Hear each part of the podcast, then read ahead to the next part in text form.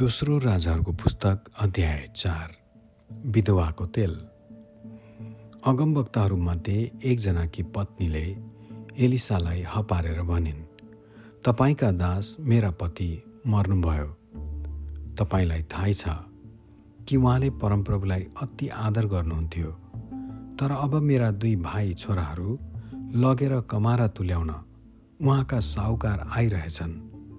एलिसाले तिनलाई जवाफ दिए म तिमीलाई कसरी सहायता गरौँ? तिम्रो घरमा के छ? मलाई भन।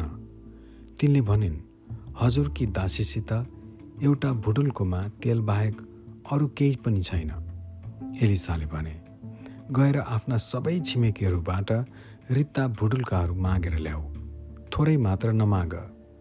त्यसपछि घरमा गएर तिम्रा छोराहरूलाई पनि भित्र राखेर ढोका थुन।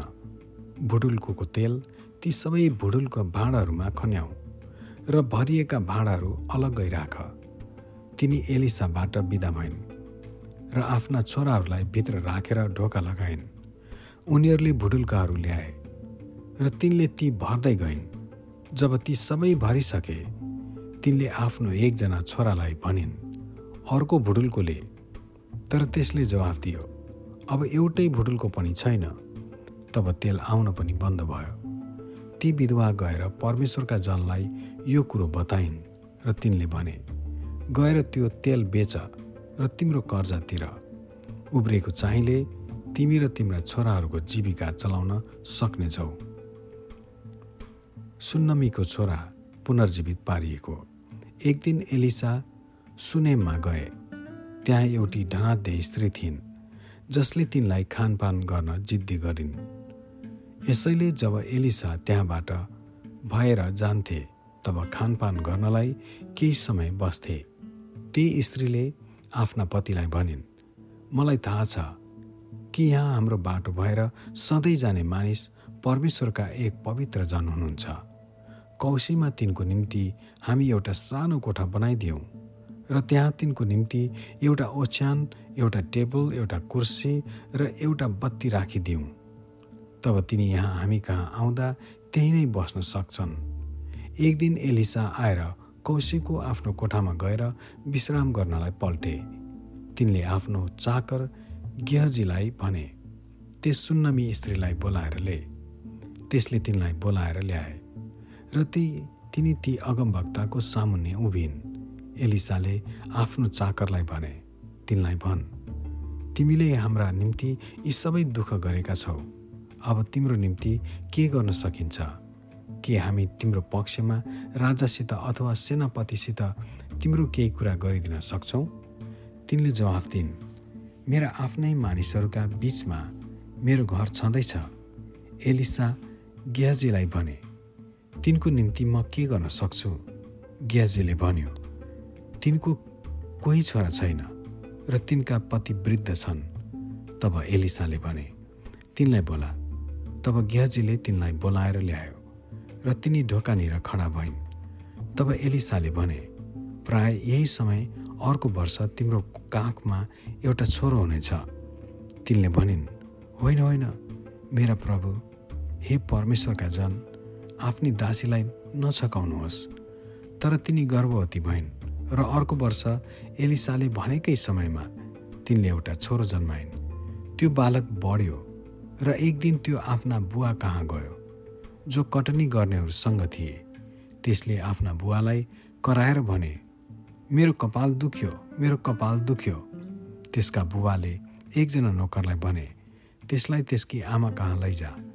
त्यस नोकरले ठिटालाई उठाएर आमा कहाँ पुर्याएपछि त्यो ठिटो आफ्नो आमाको काखमा मध्य दिनसम्म बसिरह्यो र त्यसपछि त्यो मर्यो ती स्त्रीले गएर ठिटालाई माथि परमेश्वरका जनको ओछ्यानमा राखिदिएर ढोका लगाई बाहिर निस्केर गइन्। तब तिनले आफ्ना पतिलाई बोलाएर भनिन् कृपा गरी मलाई एउटा नोकर र एउटा गधा पठाइदिनुहोस् र म जति सक्दो चाँडो परमेश्वरका जन कहाँ गएर फर्कनेछु। उनले सोधे आज किन जानु पर्यो? आज न त औँसी हो न सबात हो। तिनले भनिन् ठिकै छ। तिनले गधामा जिन काठ कसिन् र आफ्नो नोकरलाई भनिन् मैले नभनुन्जेल धपाउँदै जा र ढिलो नगर यसरी तिनी गइन् र कर्मेल डाँडामा परमेश्वरका जन कहाँ आइन्। तिनलाई टाढैबाट आइरहेकी देखेर परमेश्वरका जनले आफ्नो चाकर गेहजीलाई भने हेर त त्यो आउने त सुनमी स्त्री हो। दगुरेर गई त्यसलाई भेटेर सोध। के तपाईँलाई कुशलै छ? के तिम्रो पतिलाई कुशलै छ? के तिम्रो बालकलाई सन्चै छ? तिनले भनिन् सबै ठिकै छन्। जब तिनी डाँडामा परमेश्वरका जन कहाँ पुगिन् तब तिनले एलिसाका खुट्टा समातिन्।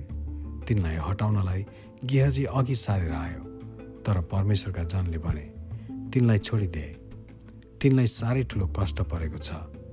तर परमप्रभुले त्यो कुरा मबाट लुकाएर मलाई केही भन्नुभएको छैन। तिनले भनिन् हे मेरा प्रभु कि मैले छोरो मागेको थिएँ र आशा दिएर मलाई निराश नपार्नुहोस् भनी बिन्ती गरेको थिइनँ र तब एलिसाले गेहजीलाई भने तेरो खास्टोले कम्मर कस। यो मेरो लौरो लिएर कुदिजा यदि बाटोमा कसैलाई भेटिस् भने त्यसलाई अभिवादन नगर र त्यसले अभिवादन गर्यो भने त्यसलाई जवाफ नदे। यो मेरो लौरो त्यस ठिटाको मुखमा राखिदे। तर ठिटाकी आमाले भनिन् परमप्रभुको जीवन र तपाईँको जीवनको शपथ खाएर म भन्दछु। म तपाईँलाई छोड्ने छैन। यसैले तिनी उठेर ती स्त्रीको पछि लागे। गेहजीले चाहिँ तिनीहरूका अघि आएर गएर त्यो लौरो त्यस ठिटाको मुखमा राखिदियो तर कुनै प्रतिक्रिया आएन। यसै कारण एलिसालाई भेट गर्न गेहजी फर्की गयो र तिनलाई भन्यो त्यो केटो त जागेन। जब एलिसा घरमा पुगे तब तिनले आफ्नो ओछ्यानमा राखिदिएको त्यस ठिटालाई मरिसकेको भेट्टाए। तिनी कोठाभित्र पसे र ती दुई मात्र भित्र गएर तिनले कोठाको ढोका थुने र परमप्रभुलाई प्रार्थना गरे। त्यसपछि ओछ्यानमाथि चढेर आफ्ना मुख त्यसका मुखमा राख मुखमा आफ्नो आँखा त्यसको आँखामा र आफ्ना हात त्यसका हातमा राखेर तिनी त्यस बालकमाथि लमतन्न पस्रिए। जब तिनी त्यसमाथि लमतन्न परे तब त्यस बालकको शरीर तातो हुँदै गयो। एलिसा उठे र ढोकाभित्र यताउता हिँडे र फेरि एकपल्ट ओछ्यानमा चढेर तिनी त्यसमाथि लमतन्न परे। तब त्यस ठिटाले सात खेप छेउ काट्यो र आँखा खोल्यो। तब एलिसाले गेहजीलाई बोलाएर भने ती सुनमी स्त्रीलाई बोला। त्यसले तिनलाई बोलायो। ती स्त्री आएपछि एलिसाले भने तिम्रो छोरालाई लैजाऊ। तिनी भित्र आइन् र भुइँसम्मै निहुरेर एलिसाका खुट्टामा घोप्टो परिन्। त्यसपछि आफ्नो छोरालाई लगेर तिनी बाहिर निस्किन्। भाँडामा मृत्यु। एलिसा फर्केर गिलगालमा गए र त्यस इलाकामा अनिकाल परिरहेको थियो। जब अगमवक्ताहरूको दलले तिनलाई भेटे भेट गरिसकेका थिए तब तिनले आफ्नो चाकरलाई भने आगोमा ठुलो भाँडा राखेर यी मानिसहरूका निम्ति केही जाउलो बना। उनीहरूमध्ये एकजना झारपात खोज्न खेतमा गए र जङ्गली लहरा भेटाए। उनले त्यसका केही लौका पोल्टोभरि टिपेर ल्याए। ती के हुन् भनी कसैले नजानी उनले ती फलहरू काटेर त्यस जाउलोको भाँडमा हाले। मानिसहरूले खाउन् भनी त्यो खनाइयो तर जब उनीहरूले त्यो खान लागे तब उनीहरूले कराएर भने हे परमेश्वरका जन यस भाँडामा त मृत्यु पो रहेछ। अनि उनीहरूले त्यो खान सकेनन् एलिसाले भने केही पिठो ल्याऊ। तिनले त्यो भाँडामा हालेर भने अब यिनीहरूलाई त्यो खाना देऊ। यसपल्ट त्यस भाँडाको खानेकुरामा हानि केही गर्ने थिएन। एक सय जनालाई खुवाएका। बाल सलिसाको कुनै एकजना मानिसले परमेश्वरका जनको निम्ति अगोटे अन्नका जौका बिसवटा रोटी केही नयाँ अन्नका बालाहरू लिएर आयो। एलिसाले भने यी मानिसहरूलाई त्यो खान देऊ। तिनको चाकरले सोध्यो एक सय मानिसलाई यदि मात्र म कसरी खान दिन सक्छु र? तर एलिसाले जवाफ दिए मानिसहरूलाई त्यो खान देऊ किनकि परमप्रभु यसो भन्नुहुन्छ। तिनीहरूले खाएर केही उब्रेको पनि हुनेछ। तब त्यसले त्यो तिनीहरूको अघि राखिदियो र परमप्रभुले भन्नुभए चाहिँ तिनीहरूले खाएर केही उब्रियो। आमेन।